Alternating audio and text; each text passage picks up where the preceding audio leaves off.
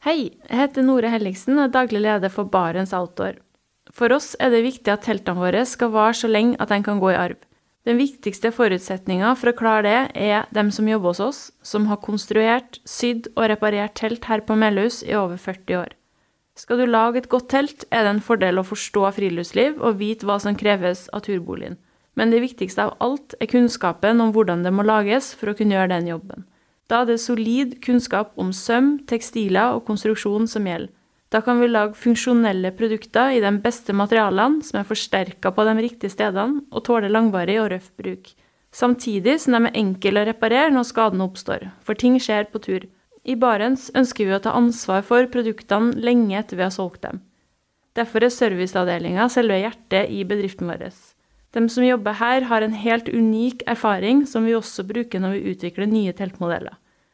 Les gjerne mer om både oss og teltene våre på barentsoutdoor.no. Og husk, den første reparasjonen på et Barents-produkt er alltid gratis.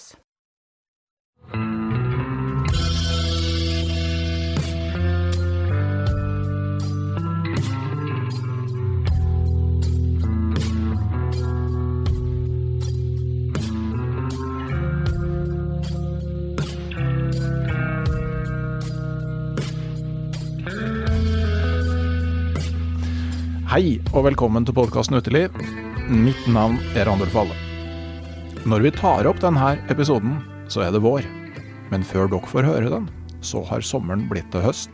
Og det er på tide å begynne å planlegge vinterens store villmarkseventyr. I dag skal vi møte en person som nettopp har gjennomført en vintertur de fleste av oss bare kommer til å gå gjennom livet og drømme om. Velkommen til Else Bull Jensen. Tusen takk. Eh, og takk for sist, må jeg vel si. Ja. det var veldig hyggelig. Eh, vi møttes i Børgefjell i overgangen januar-februar. Mm. Eh, Mons, min turkompis her, vi var godt fornøyd med å ha satt av nesten ei uke til fjelltur i Børgefjell. Det var vel helt til vi møtte deg. Eh, og du var to uker inn i et to måneders vintereventyr i Børgefjell sammen med fire grønlandshunder. Mm. Da var vi Altså, det, det, gjorde på en måte litt med vår fornøydhet over egen tur, må jeg innrømme. ja, men så må man slutte å tenke. Det er jo alltid noen som er mer ekstrem enn deg. ja. ja. Men har du hatt det bra siden sist? Jeg har hatt det kjempefint. Uh, fått en veldig glatt overgang fra alene på tur til å jobbe litt i fjøs, og så gradvis uh, komme inn til byen og besøke venner. Ja. Mm. Så liksom først uh, begynne å være sammen med litt flere dyr, og ja. så kan du liksom trappe opp med mennesker, og så kan du møte vennene? Nettopp, ja. Ja, ok. Ja, det, den har jeg, har jeg, ikke vært borti før, men det er jo åpenbart en løsning. Vi skal veldig straks få høre mer om vinteren din i Børgefjell, men aller først, har du hatt en fin tur eller naturopplevelse nå nylig? Jeg hadde en kjempefin naturopplevelse i går. Da var jeg ikke langt utafor Trondheim ved et lite ferskvann uh, og padla på kvelden. Um, og der uh, så jeg både bever, mye bever, uh, og um, hare som hoppa inn på land, og fantastisk fuglesang utpå kvelden. Og da tenkte jeg man trenger jo ikke å dra så langt for å få naturopplevelse og se dyr. Nei, og, og, dyr i by, eller dyr som er vant til folk, er jo ofte mye lettere å komme inn på. Ja. Mm. Jeg har jo rådyr og elg som tasser rundt huset, spiser fuglenek og sånn. Så det er jo uh, fint. Men, uh, men sånn, hvordan ender man opp med å tilbringe et par vintermåneder aleine i Børgefjell? Altså, hvor kom den her ideen fra, Else? Um, den aller, aller første tanken kom jo da jeg var barn. For jeg har liksom alltid lurt på hvordan er det å være lenge på fjellet aleine, og liksom bo ute? Og det har vært et sånn lite sånt spørsmål som jeg har hatt med meg hele tida. Um, men så passer det jo ikke alltid, og man syns ikke alltid det er verdt det å bare dra fra alt og alle på den måten. Og så begynte jeg i ny jobb, og hadde et veldig tøft år i ny jobb og ble veldig sliten. Da kjenner jeg med en gang at OK, nå trenger jeg å komme meg ut på tur. Så det var nok det som var kanskje den litt sånn utløsende faktoren da, for at jeg dro ut eh, på tur. Ja, var, det det, var det noen sånn spesiell episode, husker du et sånn øyeblikk hvor du tenkte at nå er det nok, nå gjør jeg det? Uh, ja, jeg tenkte Eller jeg tenkte, hadde en episode hvor jeg tenkte "Mm, jeg skal dra. Og det var at jeg hadde vært uh, en helgetur på uh, Hardangervidda med noen venner og kosa meg skikkelig. Og så sitter jeg på togstasjonen, venter på et alt, alt forsinka tog. Har litt tid å tenke for meg selv. Og da kjenner jeg bare sånn Jo, jeg må på tur i vinter. Det føles riktig. Det er der jeg føler meg hjemme. Og det er det jeg trenger nå, da. Ja. Mm. Men eh, Børgefjell, var det liksom noe som Var det andre alternativer? Um, ja, Norge er jo stort. Så akkurat Børgefjell var vel at det er relativt lett eh, adkomst via tog fra Majavann. Um, så da får du litt eh, enkel logistikk. Så derfor endte jeg med å dra dit eh, i høst, da. Ja. Altså, du, du var der i, på høsten? Ja, jeg var der først på høsten, og så kom tilbake på vinteren. Mm. Ok, men, men øh, vi kan ta litt sånn steg tilbake før vi kan gå gjennom både høst- og, og vintertur. For det, for det er jo ikke liksom det første sånn villmarkseventyret du har øh, vært med på. Altså, du har jo vært en del på tur før. Mm, jeg har vært mye på tur, og trives godt med det. Så det er hver gang jeg føler det kommer et sånt frirom, så bærer det ofte ut på tur. Mm. Du har vært i Alaska. Ja, det stemmer. Ja. Kan du fortelle? Ja, det var eh, jeg og mm, en venninne som heter Ingvild, som eh, eh, Man har jo hørt om Alaska, som skal være så mye større enn Norge og mye villere, og det ligger en veldig nysgjerrighet i det. Og så um, snakka med litt folk som hadde vært i Alaska, blant annet gjennom Folkehøgskolen i Alta. Så har jo de vært en del ganger over. Og da hadde vi jo plutselig en del kontakter og informasjon, og det som trengte for å liksom senke terskelen for å dra. Um, så vi uh, bestemte oss for å ta et uh, friår og være vinteren i Alaska. Hvor dere dro, og hva dere gjorde? Vi dro um, til en liten landsby som heter Takotna, som er et uh, checkpunkt på det store Iditarod-hundeløpet. Eh, for der eh, var det en eh, lokal som vi hadde fått kontaktinformasjon av, om, og som vi kunne leie fangsthytta av, da. Så fikk bo på hytta hans gjennom vinteren, og fikk lære en del fangst av han, da. Og være med å liksom røkte fellene hans, og det var veldig spennende. Mm. mm. Hva dere fanga for noe? Da er det um, mår og bever, oter, jerv, ulv. Um, ja. Det meste er jo lov å fange i Alaska når du er lokal. Mm. Mm. Ja, da blir dere liksom sånn eh, assistenter på et vis, da, så Mm. du havner inn under, og du kan liksom røkte traplinen til en lokal som har lisens? Ja, nettopp. Mm. Ok. Ja, var det liksom som, eh, som du hadde tenkt? Altså Man har jo kanskje noen sånne bilder av hvordan det skal være å være pelsjeger. Altså, var det noe som var som du trodde, og noe som ikke var det? Det var mye bedre enn jeg hadde tenkt. Ok, hvordan da? man har jo mye man ser for seg, og så får du jo masse opplevelser som du ikke har forutsett. Mm. Eh, og både det at eh, liksom følelsen at jo, men vi fikk jo faktisk noe i fellene, mm. er veldig gøy. Og vi fikk tak i eh, seks hunder og hundeslede. Så vi hadde hundespann, og det var jo ikke noe vi hadde Det var en drøm, men det var ikke noe vi hadde planlagt hjemme i Norge. Og um, utpå våren så kom det plutselig noen småflypiloter og landa på elva utafor hytta. Uh, for de hadde sett skisporene våre, da. Og det var jo også ganske sprøtt å få være med opp og fly uh, småfly over liksom det området du har gått og traska hele vinteren. Og så se landskapet ovenifra, da. Det, ja. Men, men Takotna, hvor mange er det som bor der? Der bor det 50 innbyggere. Ja, og det, Ja. det er helt veiløst, det er bare flyet du kommer dit med, ikke sant? Mm. Du flyr inn med Så er landingsstripe er jo eh, eneste sånn infrastruktur sånn sett, da. Mm. Eh, så flyr inn, og så mm, måtte vi vente ganske lenge på at elva skulle fryse. For det er for å kunne liksom frakte opp ting og utstyr, og det er elva som er på en måte veien. Mm. Ja. ja. Ja, så eh, hvor langt utafor bosetninga var eh, hytta? da? Den lå da et par mil eh, unna Takotna. Ja. Mm. Og der var dere en hel vinter? Ja, sånn var jo litt tur rundt omkring, men det, det var der vi hadde base, ja. Mm. Mm. Liksom, så dere noe til de store dyrene? Altså, man tenker jo, altså Bjørn er vel i hi, da, men eh, den, den skal nok hadde kanskje litt tid før det? Bjørn, elg, ulv, sånne ting? Ja, elg så vi absolutt, og så ser du jo mye spor, så mye ulvespor. Fikk ikke se ulven da. Um, Ulvehyl, da? nei, det hørte vi faktisk ikke. Det er litt over... Eller jeg tenkte man skulle høre det, men um, ja, dessverre.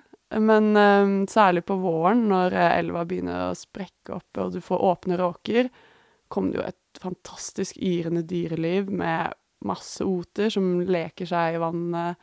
Plutselig kommer det noen svaner og lander på elva, ender. Så særlig overgang vinter-vår, så begynner jo dyrelivet å kry, da. Mm. Mens eh, midtvinters, når det er liksom 40 minus, og i januar og mørkt, så er det er som dyrene også. Holder seg ganske rolig. ja. Mm. Men hva slags bakgrunn hadde dere før dere liksom bestemte dere for å ta en vinter i Alaska? Jeg hadde vært på folkehøyskole Mm. og sovet litt ute i Jeg sovet ute i telt før, både Mm. sommer og vinter. Det hadde jeg. Um, jeg ante ikke hvordan 40 minus kjennes ut på kroppen. Hadde jeg ikke snøring. Kan man puste i 40 minus, omtrent? Um, og heller nesten ikke 30 minus heller. Um, så det var mye med det kulde hadde jeg litt å lære, da. Ja. Mm. Men, eh, men er, det med sånn eh, det friluftslivet, liksom, med overnatting og telt og sånn, eh, er det noe du liksom har lært deg på egen hånd, eller er noe, når du sier at du kom rundt folkehøyskoletida, altså, hvordan har familien din vært? Har det vært en sånn turfamilie? Um, vi har vært mye på hytta på ski, langrennsski, i oppveksten. Og så har vi hatt én sånn uke på sommeren i Jotunheimen med telt. Mhm. Men selve sånn særlig vinterfriluftsliv og sove ute på vinteren, det har jeg lært mye eh, gjennom Turistforeningen. Var med på en del sånn vintercamper med dem de første turene, da. Ja. Mm. Så er det jo bare å gjøre det og prøve, og ikke dra altfor langt hjemmefra. Så går det jo ofte bra. Mm. Ja, ikke lenger i starten enn at man har en retrettmulighet hvis det går helt gærent. da. Ja. Og så tenker jeg at det- det er jo en Altså, det å faktisk ville få det til, tenker jeg jo kanskje er noe av det viktigste for å bli bekvem med vinterfriluftsliv. For det, i hvert fall for min del, altså man gjør jo noe bommerter, og, og dem kan jo bli litt ubehagelige.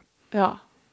Det, er sånn de lærer seg med underlag og soveposer og dårlige nattesøvn og sånne ting. Det, Ja, nei, man vil jo ikke fryse, men det, det skjer jo. Og det skjer jo fortsatt at jeg av og til fryser, og så blir man bare bedre og bedre på å kle på seg. Ja. Ja, og så er det kanskje også litt med at i starten så har du ikke helt den der tryggheten på Altså, du vet ikke helt hvor du er i en prosess. Altså, du merker at du er kald, og så er du kanskje ikke sånn helt trygg på og vet ikke helt hvordan du skal komme tilbake igjen i varm tilstand. Da kan man jo bli litt stressa. Mm. Men, eh, men Børgefjell, du begynte altså på høsten. Eh, hvis vi hopper dit igjen. Eh, hvordan var den turen? Var du aleine da òg? Da var jeg først eh, med Ingvild. Hun hadde klart å slåss seg til et par uker fri fra jobb. Og så var jeg en uke selv etter det, da. Mm. Mm. Så en treukerstur? Ja. Hvor var dere gikk hen da? Da gikk vi fra toget fra Majavann, og så innover eh, gjennom nasjonalparken inn til svenskegrensa.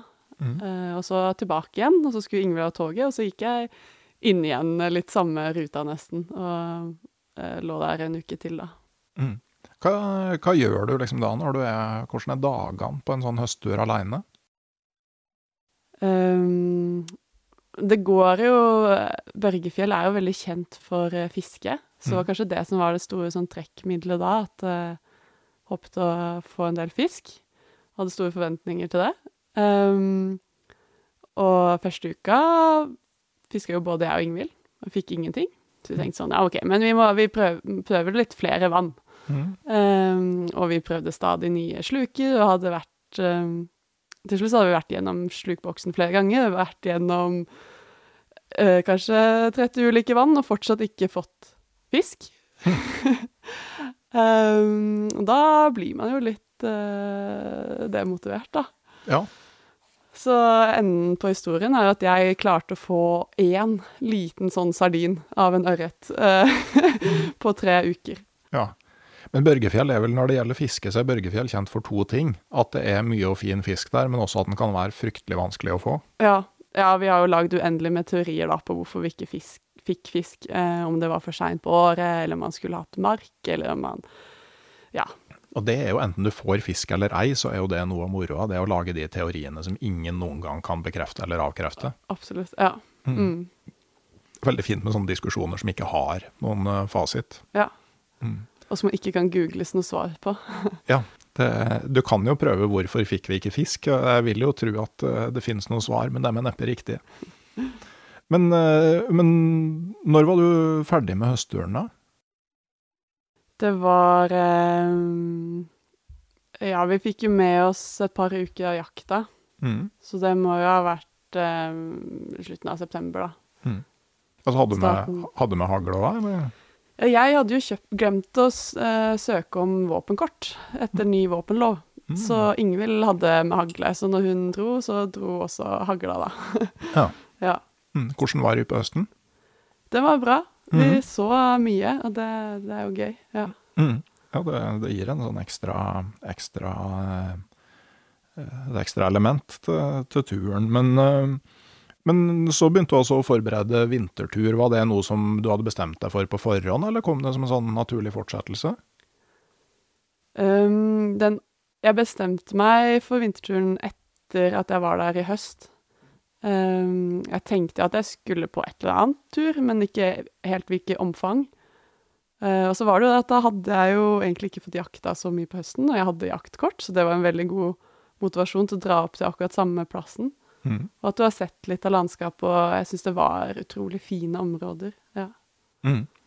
Men uh, videre derifra, da, altså eksempel bare sånn som uh, hvordan kom hundene inn? Altså hvordan, Hva er liksom prosessen fra jeg kunne tenkt meg å ha hatt med hund, til du står der med fire grønlandshunder? Ja, det, det lurer jeg også på. Um, for sannheten er at jeg føler veldig ofte at ting bare ordner seg. Hvis man har lyst til å få til et eller annet, uh, så på et eller annet magisk vis så ordner det seg. Og det var litt tilfellet nå, at jeg tenkte jeg har veldig lyst til å ha med hund. Enten én eller to eller et helt spann. Um, men i hvert fall hund. Og så har jeg jo ikke hund selv. Så jeg jeg søkte litt på nettet og tok kontakt med en hundekjører som tipset meg om hun Anja som jeg fikk låne hunder av. Så det eh, var jo veldig tilfeldig. Men Anja ringte henne, og hun sier ja, jeg har fire grønlandshunder og slede som du kan låne så mye du vil hele vinteren. Så det var jo den største julegaven jeg kunne få. Så da krysser du liksom bare av for to måneder i bestillingsrubrikken. ja. mm. Men uh, hvordan er liksom det da, å ta over et helt hundespann som du ikke kjenner? Åh, ja, man uh, det, Litt skummelt. Jeg har Mhm. ikke drevet så mye med hund før heller, så du er jo redd for at de skal begynne å slåss, at, ehm, at du skal miste spannet. Det er jo den største frykten av alle. Mm. Um, og samtidig veldig artig å bli kjent med hundene og lære dem å, hvordan man skal samarbeide. Det tar litt tid, ja. Ja, ja, for at fire, fire grønlandshunder, det er jo fire individer, ikke sant? Ja, Eh, var det noen sånn klassisk leder i eh, spannet, eller var det noen sånn definert eh, flokk? Ja, nei, det var helt klart uh, Ulva, den eldste, som er mora til de andre, som var leder. Mm. Som var en bestemt uh, sta dame, um, som var bestemte både hvor vi skulle og når vi skulle snu, og ganske mye. Ja. Mm, ja. Så du kunne si høyre, og så kan du se på deg med det blikket som sier at jeg hører hva du sier, men jeg har ikke tenkt å gjøre det akkurat nå. Akkurat det, ja. Mm. ja. Og så hadde du en sånn skikkelig stor kosebamse. Ja, det var uh, Ask. Mm. Så første gang jeg så han, så tenkte jeg wow, han er det muskler i, da. Um, Og det viste seg at han er jo oksen Ferdinand. Han ville gjerne bare gå kose seg, lunte av gårde, tisse litt på hver eneste busk, mm. og egentlig ikke trekke så voldsomt mye. Smell the flowers. ja. ja. Nei, det er jo noen, men, men også logistikken, da. Altså fire grønlandshunder i 60 dager. Det blir noen kilo med mat. Ja, det blir veldig mye mat. Um, så det Jeg innså jo fort at jeg må ha et matdepot, Mm. hvor jeg kan dra og så hente mat innimellom. For jeg får jo ikke med meg eh, liksom 200 kilo mat pluss mitt utstyr eh, når du bare har fire hunder. Ja. Ja, hvordan løste du det? Jeg hadde mm, Så jeg kjørte ut med bil og satte kasser med hundefôr og mat til meg selv eh, innerst i Susendalen, der hvor veien slutter, da. Ja. Mm. Så en gang i uka så tok jeg da fast tur ned med spannet og hente mer mat. Ja. Mm. Så du hadde liksom for ei uke om gangen. da. Ja. Eh, Men, eh, men tenker jo du starta i midten av januar. Og jeg tenker jo midten av januar i Børgefjell, da tenker man at her blir det kaldt. ja. Jeg hadde jo forberedt meg på 30 minus og kaldere, jeg. Mhm. Mm. Og blei det det? Nei, det var jo eh, på starten veldig mye regn. Og regn og regn. Eh, og vind og regn. Og da blir du ganske frustrert, for alt smelter jo fram. Teltpluggene smelter fram, alt blir vått. Og du får ikke tørka noe i eh, pluss én grad og regn. Nei, Nei, elvene gikk jo opp på bekker og sånn òg. Ja, ja. Det blir masse overvann både på vann og på elvene, og ting går ganske i stå. Ja. Ja. ja, hva gjør man da? Ligger man bare i ro og venter på bedre tider? ja. jeg, men jeg har jo ikke noe plan om at jeg måtte noe sted. Uh, så jeg lå mye i ro, og brukte mye tid på å lese og høre på musikk og strikke og mm. tenke. Ja. Men, eh, men når du er aleine, altså, altså er det øh, og, Når du får sånne perioder med veldig mye å ligge i ro, altså er det bare koselig, da? Eh, det er koselig en viss stund. Uh, ofte som på starten av tur så har det vært mye ordning, og du har reist, og du er ganske sliten. Mm. Så sånn sett så traff det veldig bra å kunne få en sånn uke og bare slappe av på starten. Men så blir du jo rastløs, da. Og da er det jo å gå ut i regnet da, bli våt, og det, det går jo fint, det òg. Ofte, Ja. ofte verre å psyke seg opp på forhånd enn å faktisk gjøre det. Ja, helt Mm. klart. Men, øh, men hundene, da? Åssen reagerer dem på et sånn helt nytt liv? Ja, det var jo mm, Grønlandshunder er jo eh, hunder som tåler veldig godt snø og kulde, og så jeg tenkte at dette her eh, kommer jo til å gå fint. Eh, Men de hadde stort sett hele sitt liv stått i hundegård og vært på dagsturer. Mm. Så det å sove ute, det kunne ikke de bikkjene. Og Nei. det hadde ikke jeg tenkt på. Nei. Så første natta så sto jo de og venta på liksom hvor er hundehuset mitt, og sto egentlig og ula og gråt og var ikke fornøyde. Um, og jeg tenkte skal det fortsette sånn her hele vinteren, så går det ikke. Nei.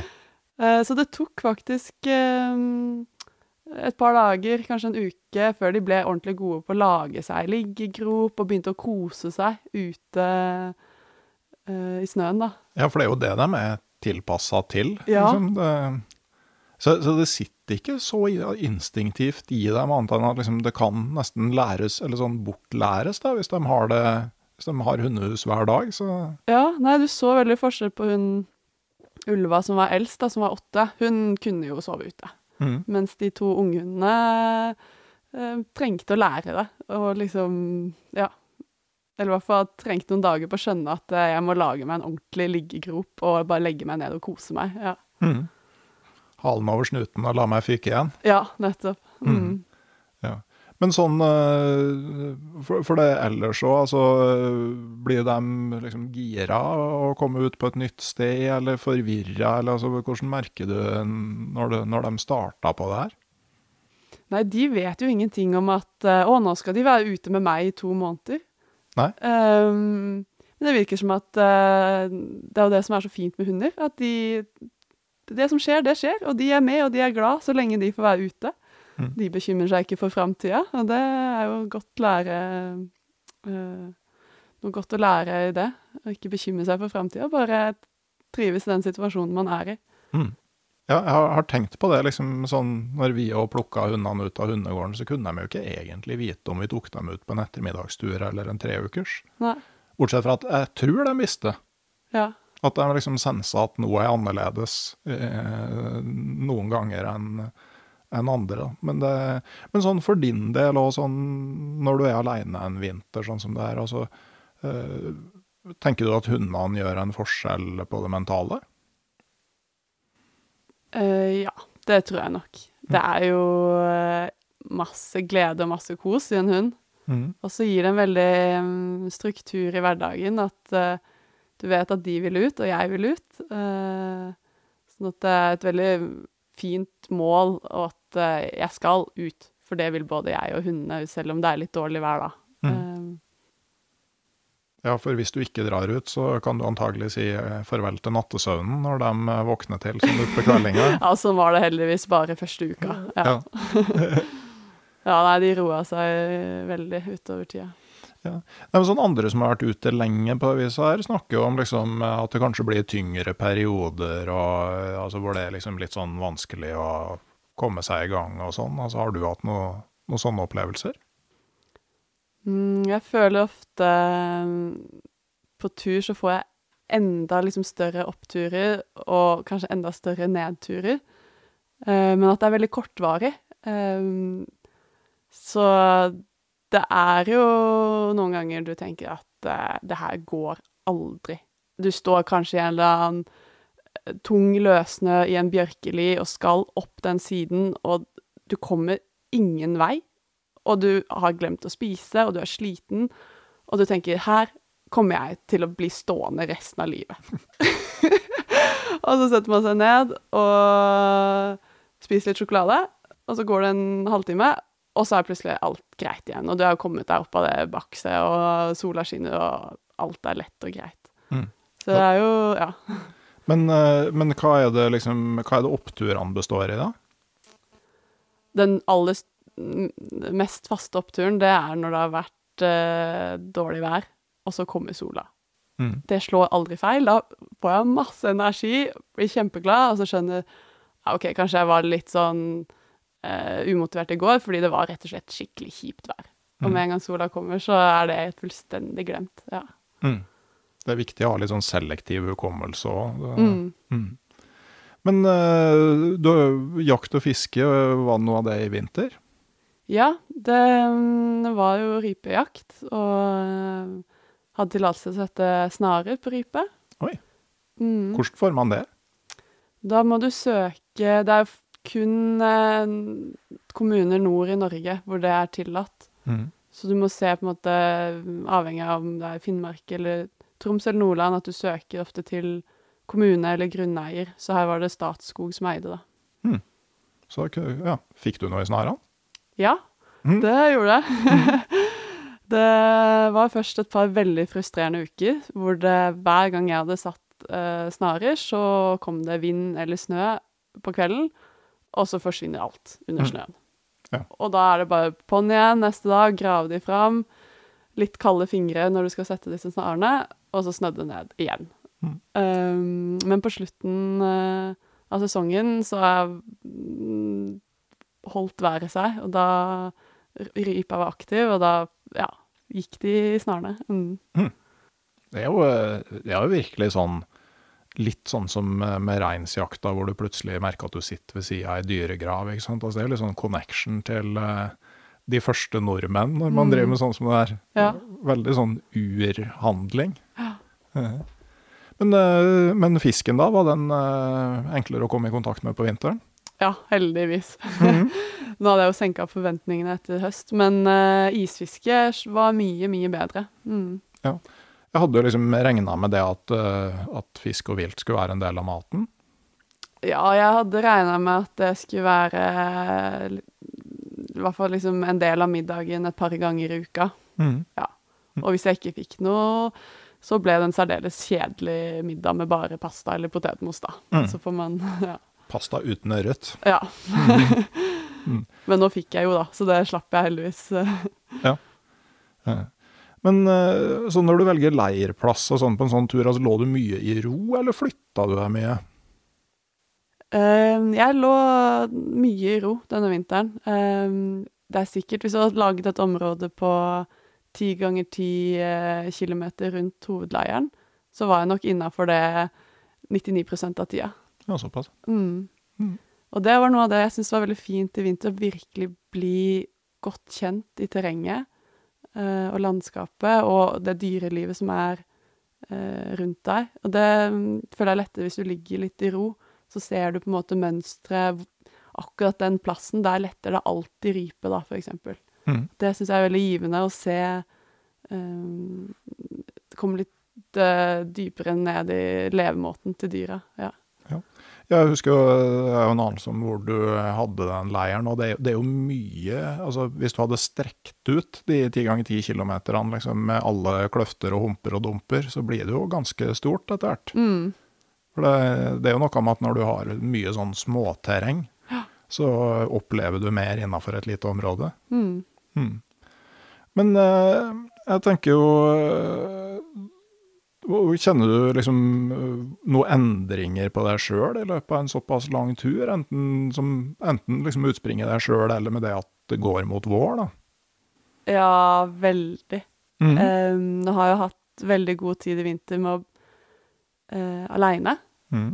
Og det å bli en, sin egen bestevenn, som jeg har blitt i vinter, uh, føles veldig godt. Som aldri vært så robust før som nå. Eh, Å komme så tett på sine egne følelser og tanker syns jeg har vært eh, ganske unikt. Ja. Snakker du med deg sjøl?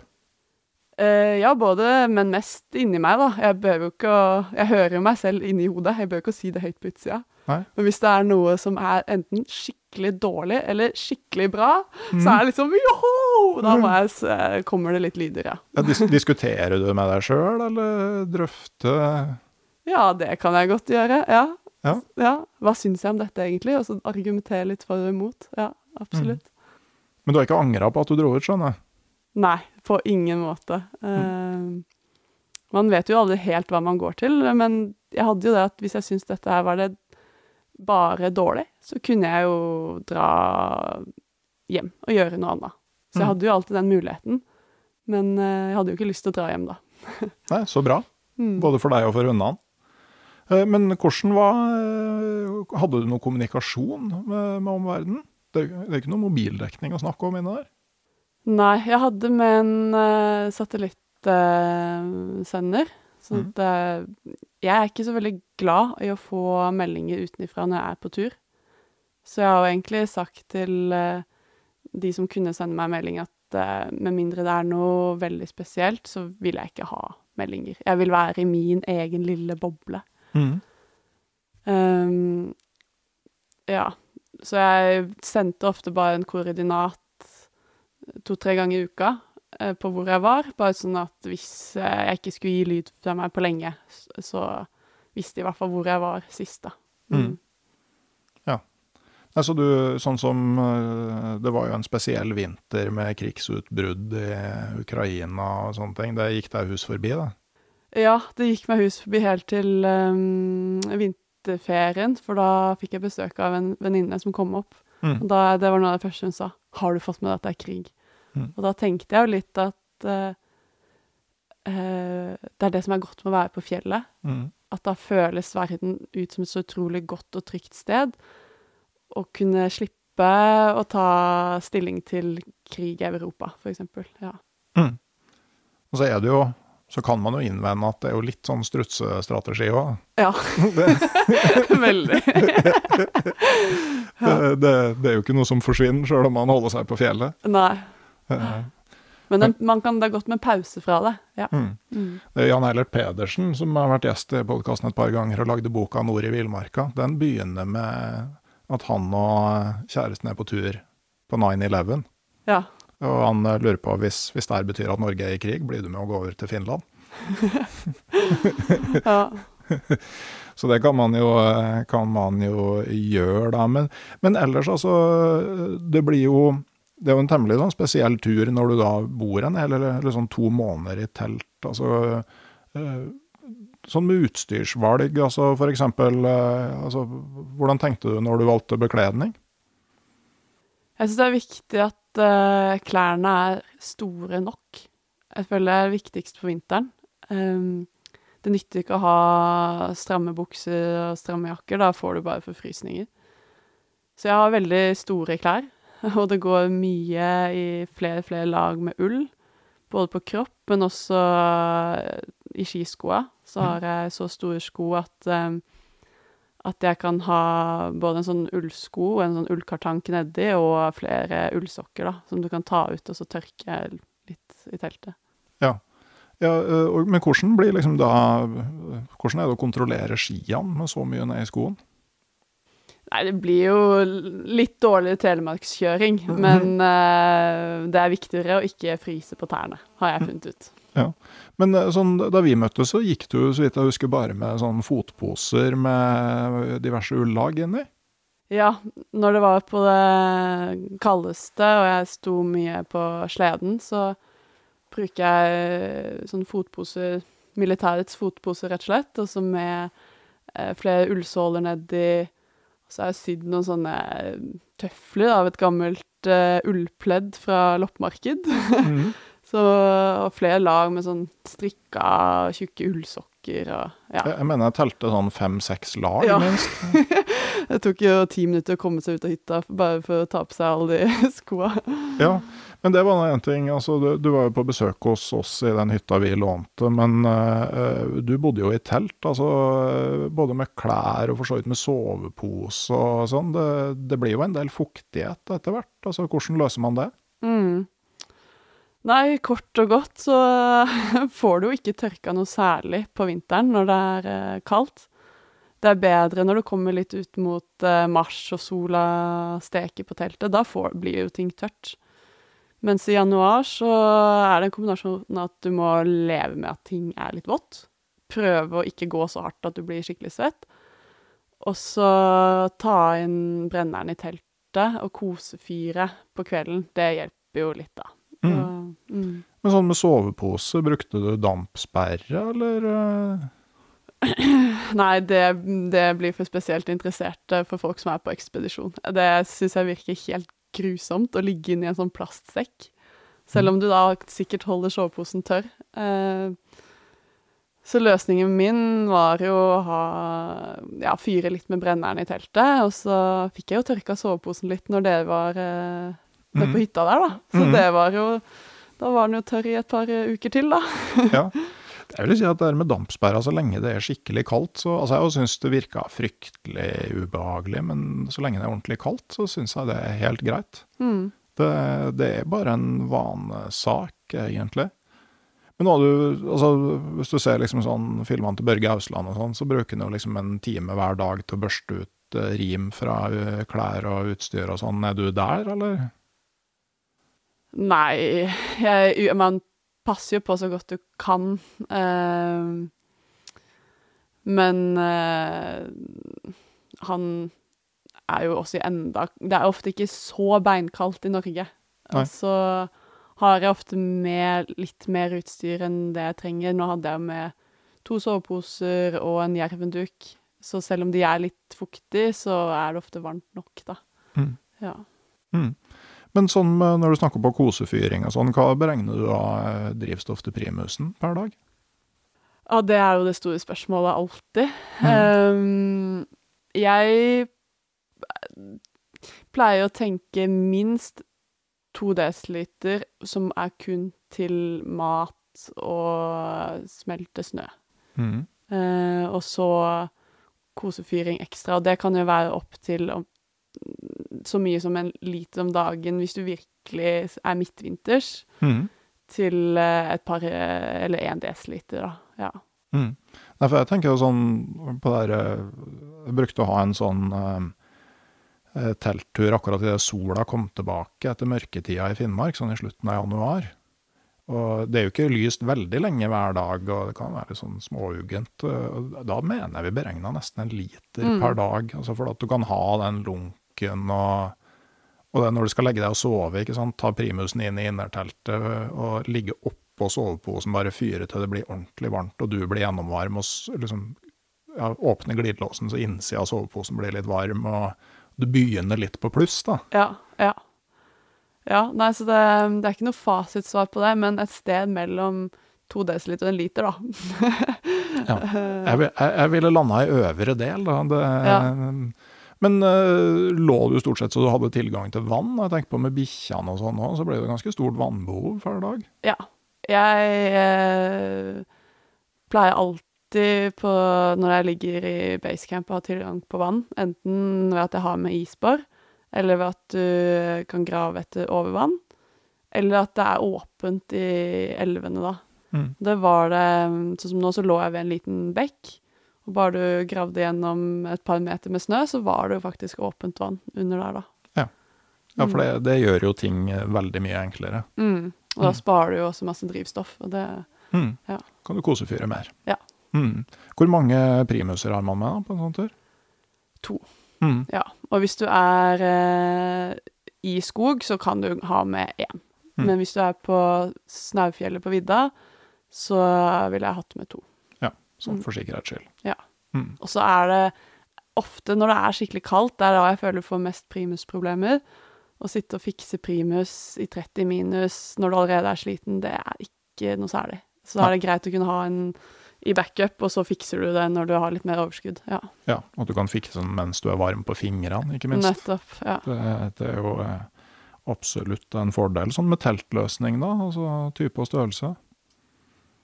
Um, nå lå jeg jo eh, i bjørkeskogen, var litt opptatt av at jeg vil ha le Mm. der hvor teltet står.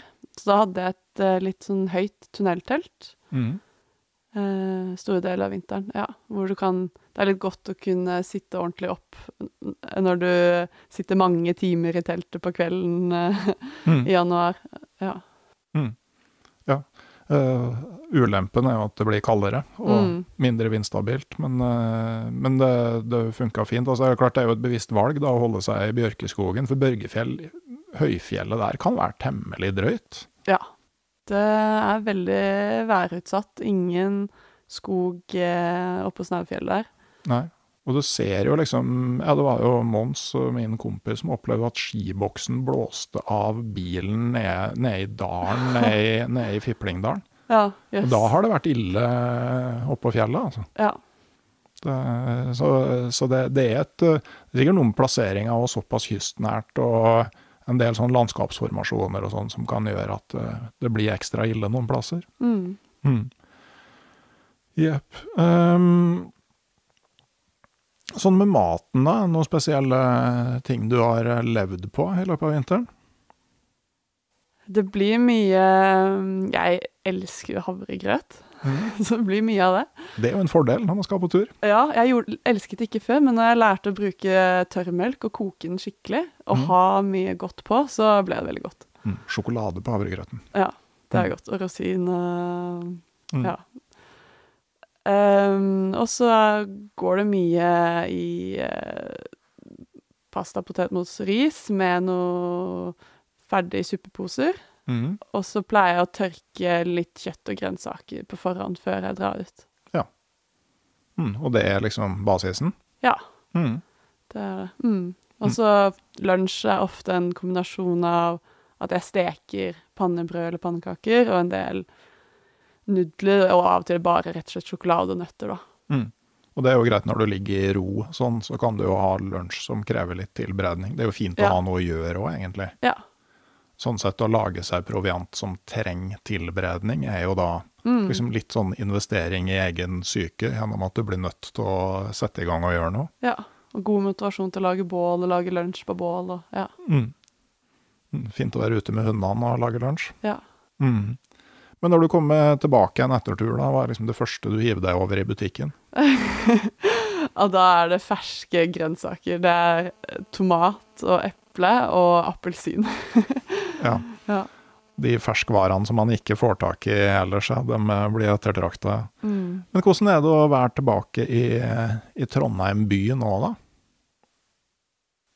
Og um, man føler seg jo alltid litt rar når du kommer eh, av stasjonen med kjempesekk og ski og pulk, og, og folk eh, skal på jobb, Mm. og du lever en helt annen hverdag. Det føles litt rart. Men jeg er jo veldig mm, glad i den hverdagen jeg har, da, hvor du har litt eh, mer frihet og har kunnet være ute så lenge. Mm. Um, Ja, ser det helt absurd ut, det vi driver med? Ja, på starten så gjør det det. Og så særlig all reklamen og alt det bråket. Alle de bussene og bilene som kjører hit og dit. Det ser ganske absurd ut. Um, også det å At folk ikke ser på hverandre. At jeg sitter på bussen og er sånn Å, det er jo masse spennende mennesker rundt meg. Og så sitter jeg og ser på dem, og så er det jo ingen som ser tilbake på deg. Fordi Ja. Det er en rar følelse. For på fjellet så hilser man jo på alt og alle. Mm. Mm. Ja, slår av en prat. Ja. Mm. Uh, nei, så det, den eh, ser jeg for meg. Men, men uh, skal du tilbake igjen i vanlig jobb nå, da, eller blir det mer tur? Det blir en kombinasjon. Uh, nå skal jeg jobbe litt med friluftsliv på forskjellige sånn leirer for barn og unge. Mm. Og jobbe litt som kajakkinstruktør. Så det er jo en fin kombinasjon da av tur og jobb. Ja, jeg vet ikke helt om det kvalifiserer som jobb. Nei, OK. jeg, jeg får dekket utgiftene mine, og jeg får kost meg samtidig. Ja. Ja, det er bra. Eh, Men eh, nye langtursplaner, da? Ja, jeg har jo alltid en sånn liste bak i hodet som på en måte venter på et uh, frirom, da. Mm. Um, men akkurat nå så har jeg gledet meg litt til å være litt mer med folk, da, igjen. Og så kommer det nok en tid hvor jeg tenker sånn, ja, eh, jeg har veldig lyst til å padle mer av de elvene vi har eh, i Norge. Blant annet Karasjokka, har jeg hørt Mhm. mye bra om. Og veldig lyst til å padle langs med norskekysten. Da er det jo masse å ta av. Mm. Um, og ikke minst sånn nå eh, å være ute i den overgangen mellom vinter og vår. For ofte når du er på vintertur, så vil du jo hjem før snøen er borte. Eh, og så blir det liksom sommerturene. Men å få med seg den overgangen, det, det tror jeg hadde vært gøy. ja. Mm. Hvordan var det å ta farvel med hundene, da? Og det var Jeg kom jo ned i hundegården og var skikkelig lei meg. Ja. Mm. Jeg var jo blitt mine nye bestevenner. Og så kommer du ned dit, da, og ser du at Men de er jo bare glade. Eh, de vet jo ikke at jeg skal reise. Nei. Så jeg måtte ta meg litt i det, at eh, Og lære litt av dem at sånn Jo, men nei, jeg får bare kose meg over den tida jeg har hatt med dem, og at nå er jeg jo her og kan si ha det. Og så ikke grue seg for at i fremtiden så, så har jeg dem ikke rundt meg lenger da. Ja. Mm. Så har jeg jo også tenkt på om jeg um, eh, skal prøve å finne et sted jeg kan bo hvor jeg, det er egnet å ha grenlandshunder, da. Hmm. Så, Det har gitt såpass mersmak. Ja, absolutt. Ja. Mm. Det kan jeg forstå. Jeg er jo veldig glad i rasen sjøl. Ja. Men det er jo òg fint, da, sånn som du har gjort, at de er jo veldig sånn De er jo glad i alle folk. Mm. Og eh, sånn sett, altså du kan ta dem over, og det går helt fint. Og når de da går tilbake til en annen person, så er de superfornøyd med det òg. Det er jo et sånn takknemlig trekk, da. ja. Mm. Det er det. Men eh, en ting som har slått meg, er at er sånn eh, Jeg er jo et par år eldre enn deg, eh, og jeg husker jo sånn da jeg var student på 90-tallet, så det var ganske mange som tok seg fri og gjorde ting, men det innebar veldig ofte å reise langt. Mm. Og så syns jeg nå eh, at det virker som det er stadig flere som liksom, ja, tar seg fri og tar et avbrekk, men i stedet drar i norsk natur. Altså, Er det en reell forskyvning, tror du, eller er det bare sånn der eh, som skjer oppi hodet mitt?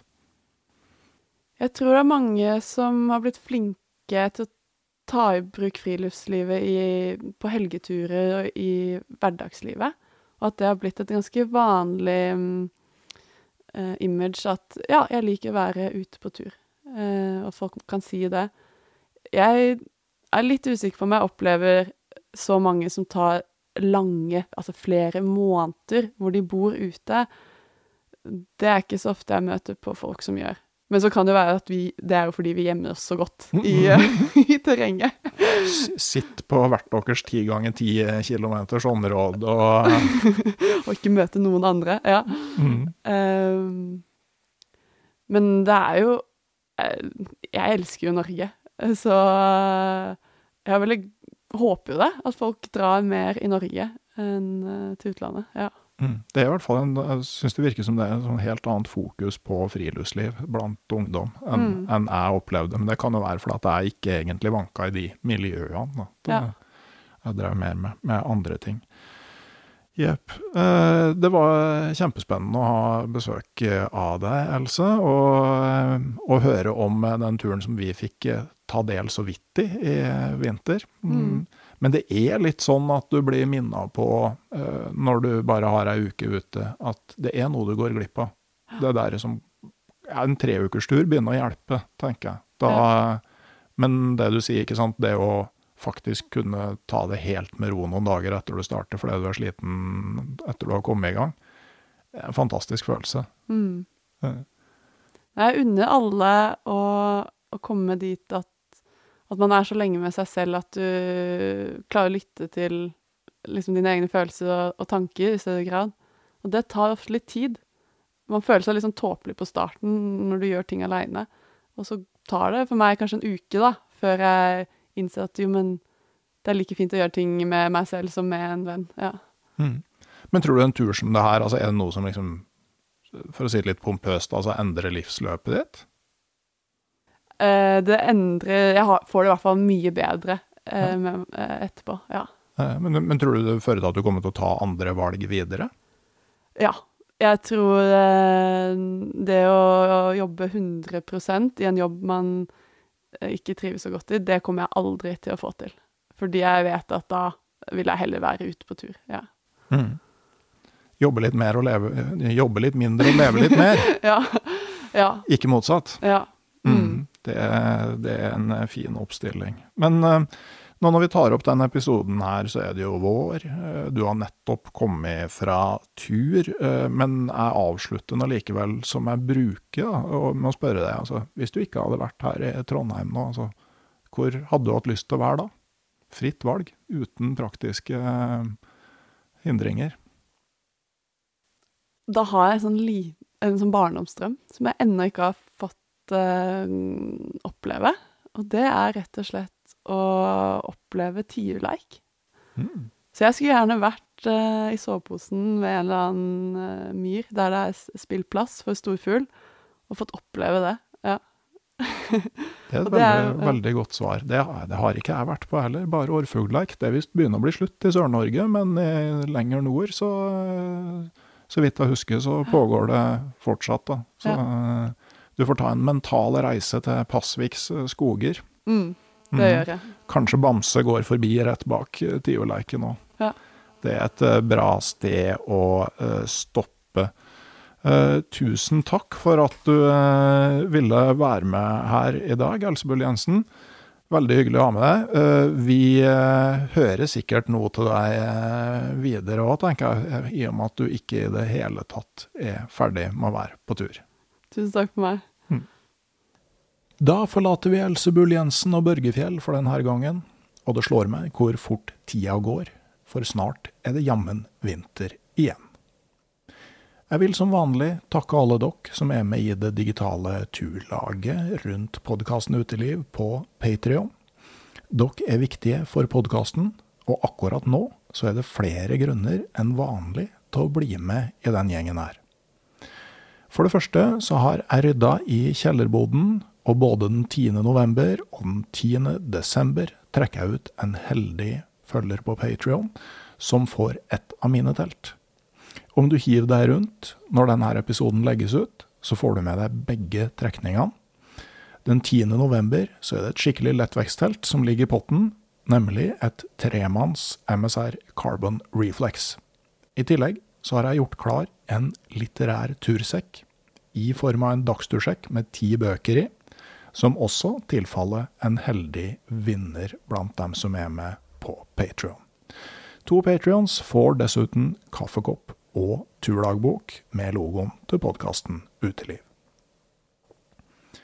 Det er også verdt å merke seg at de to øverste medlemsnivåene på Patrion nå får et kjempetilbud på utvalgte bøker og merchandise for podkasten ut november i nettbutikken min. Langturkompiser får 25% rabatt, mens ekspedisjonsmakere får halv pris på de her utvalgte varene. Kanskje er det en idé å kjøpe en kaffekopp eller ei turdagbok til turkompisen i julegave. Jeg skriver gjerne en hilsen i både bøker og turdagbøker om dere ønsker det. Er du med på Patrion, så får du òg påvirkningsmuligheter på episodetema, gjester og spørsmål, og du får tilgang til eksklusive episoder av podkasten. På de to øverste medlemsnivåene så får du òg tilgang til en stadig større samling av artikler på randulfalle.no. Akkurat nå så jobber jeg med å legge ut tester av gassbrennere som er brukt, bl.a. med målinger av kullossutslipp det er et prosjekt som fortsetter utover vinteren, og som etter hvert også utvides med multifuel-brennere. Syns du det her virker spennende? Da kan du følge linken i episodeinfoen. Eventuelt kan du gå rett inn på patrion.com, patreon.com, eller laste ned Patrion-appen og søke opp podkasten Uteliv før du velger medlemsnivå og bli med i gjengen. Jeg håper at så mange som mulig vil bli med der, men uansett så kommer det en ny episode av podkasten Uteliv om ei uke. Da skal dere få møte en av Norges store langrennsløpere, som også har gjennomført lange turer i gamle polarhelters skispor. I mellomtida så sier jeg rett og slett ha det bra.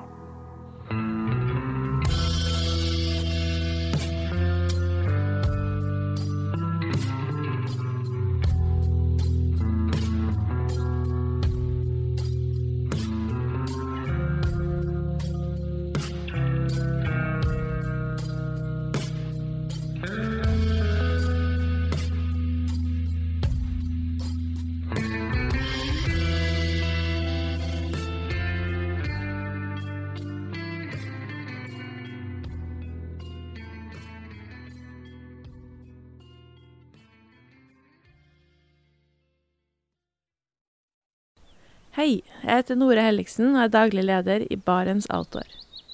Det beste vi kan gjøre for planeten, er å redusere forbruket vårt og få mer ut av det utstyret vi allerede har. Men vi vet av erfaring at bruken av telt kan endre seg over tid. Det teltet du kjøpte for to år siden, passer kanskje ikke det behovet du har i dag. Derfor har vi i Barents etablert en egen panteordning der vi tar imot brukte telt av god kvalitet i innbytte når du kjøper et nytt av oss. Prosessen er enkel. På barentsoutdoor.no gir det oss informasjon om teltet du vil bytte inn.